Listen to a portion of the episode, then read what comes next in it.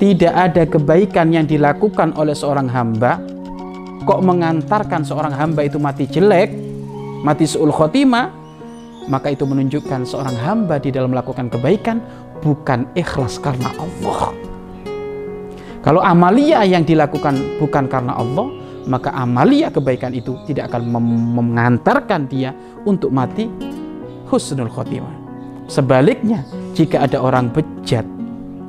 jika ada orang jelek,